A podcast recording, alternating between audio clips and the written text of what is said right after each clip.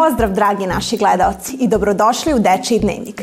Pripremili smo za vas veoma zanimljive priče iz zemlje i sveta. Ja sam Zorana Nikoletić, a u ovom izdanju Dečijeg dnevnika govorit ćemo o matematici, kako možemo da je primenimo i u drugim sferama života. Vidjet ćete i kako je jedan avion sleteo na ledenu pistu. Kolega Radosavkić pripremio je za vas nepotrebne informacije, a naš Pavle Bogojević zna sve o prognozi vremena. U školi često imamo mnogo predmeta. Nekima bolje idu društvene, nekima prirodne nauke. Matematika je nekako, makar mi se tako čini, uvek važila za jedan od najvažnijih predmeta. Sigurno ste ponekad pomislili, bože šta će mi ovi razlomci i geometrija? I onda obično čujete odgovor od svojih nastavnika i učiteljica kako je matematika veoma važna, jer možemo da je koristimo u svakodnevnom životu, a moguće i da će nam možda zatrebati za naš budući posao. E, kao što znate, novinari su tu da provere sve informacije. Zato smo odlučili da posetimo jednu matematičku radionicu i proverimo na koji način matematika može da nam bude korisna. A šta smo saznali, vidjet ćete u priči koja sledi. Za jednog matematika za sve. Naziv je radionice koja je nedavno održana u prostorijama Digitalnog omladinskog centra. Učesnici su podeljeni u timove, rešavali različite zadatke kako bi na kraju uspeli da sagrade kuću znanja. Arhitekte imaju pitanje kako da pozicioniraju vrata, zidove, građevinari, koliko će materijala biti potrebno i slično. I programeri čak imaju da, da naprave taj pametni deo kuće. Tako da svako ima neko svoje zaduženje um, u izgradnji tog objekta. Mi smo proverili kako teku radovi i šta je učesnicima najzanimljivije na ovoj radionici. Sviđa mi se što je atmosfera jako opuštena. E, prvo smo imali predavanje e, ovaj, u kojem smo i mi mogli da učestvujemo. Nekako stobađamo našu maštu i kreativnost. Zainteresovalo me je. Nešto novo može da se nauči da saznamo kako još možemo u timovima da učestvujemo, šta može da se radi. Što je dobro organizovano, ima mesta za sve i radimo zanimljive zadatke. Dopada mi se što ne idemo u školu danas. Bilo je veoma zanimljivo dok su objašnjavali sve i sada ovaj, kao timski rad jako zanimljiv i to mi se verovatno sviđa najviše.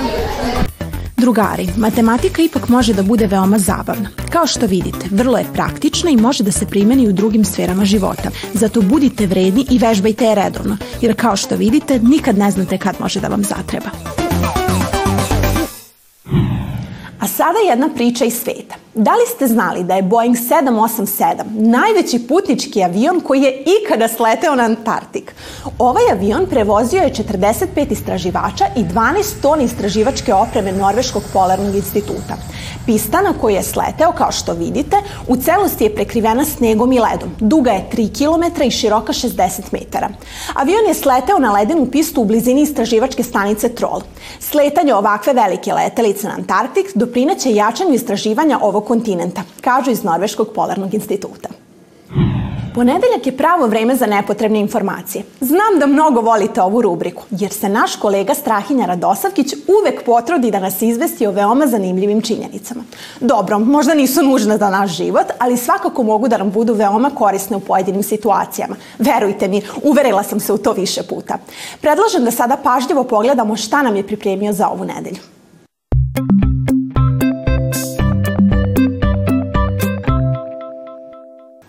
Pozdrav, danas ćemo pričati o nekim sjajnim činjenicama koje su u vezi sa prašumom.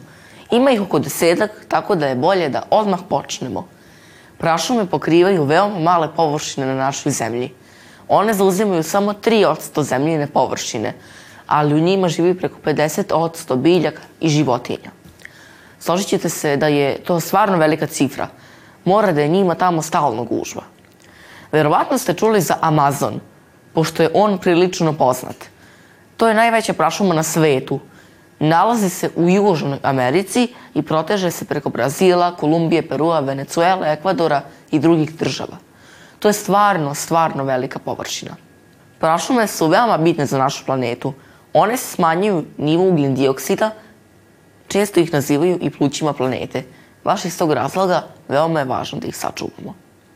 Mnogo biljaka koje se koriste u proizvodnji lekova rasu u prašumama. Neke od tih biljaka se koriste u proizvodnji lekova protiv bolova, malarije i određenih anestezija. Takođe tamo rastu i neke ukusne stvari poput biljaka od kojih dobijemo vanilu i čokoladu. Kapijama kiše je ponekad potrebno 10 minuta da dodirnu tlo prašume. To je zbog ogromne gustine drveća i biljaka. Verovatno ste već čuli za neke životinje koje žive u prašumama poput orangutana i jaguara, ali tu ima i mnogo drugih različitih vrsta životinja. Neke najzanimljivije su otrovne žabe koje su jarkih boja, ali su i smrtonosne. Zatim rečni delfini koji su navodno roza boje. Naučnici smatraju da prašume kriju mnogo tajni koje do sad nisu otkrivene. Kada to kažu, to znači da tamo sigurno postoji mnogo vrsta biljaka i životinja za koje ne znamo, a realno je jako teško pronaći ih sve. Koje čudne životinje vi mislite da žive u prašumi? To bi bilo to za danas. Vidimo se sledeće nedelje sa nekim skroz novim neophodnim informacijama. Pozdrav! A da bi ova emisija bila kompletna i da bismo u potpunosti bili informisani, moramo da saznamo i kakvo će vreme biti sutra. Ne znam za vas, ali meni su informacije o vremenu nezaobilazne. Priznaćete da je važno da znamo šta možemo da očekujemo kada je o vremenu reč. Iskreno, ne znam kakvo će vreme biti, ali znam ko zna. Naš novi mladi kolega Pavle Bogojević pripremio je za vas detaljan vremenski izveštaj. Zato hajde da ga čujemo.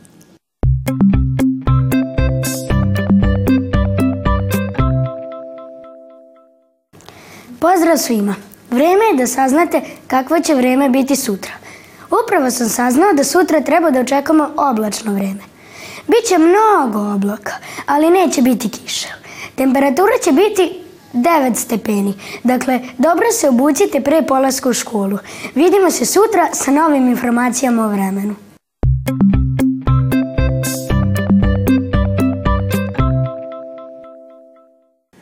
Smo do kraja emisije. Nadam se da vam je druženje sa nama bilo lepo i da jedva čekate naš sledeći susret.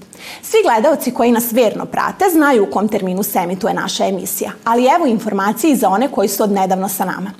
Termin Dečijeg dnevnika je u 18.55 na prvom programu RTV-a. Vidimo se tada, a ja vam se u ime cele ekipe koja je realizovala ovu emisiju zahvaljujem na pažnji. Do sutra uveče. Doviđenja.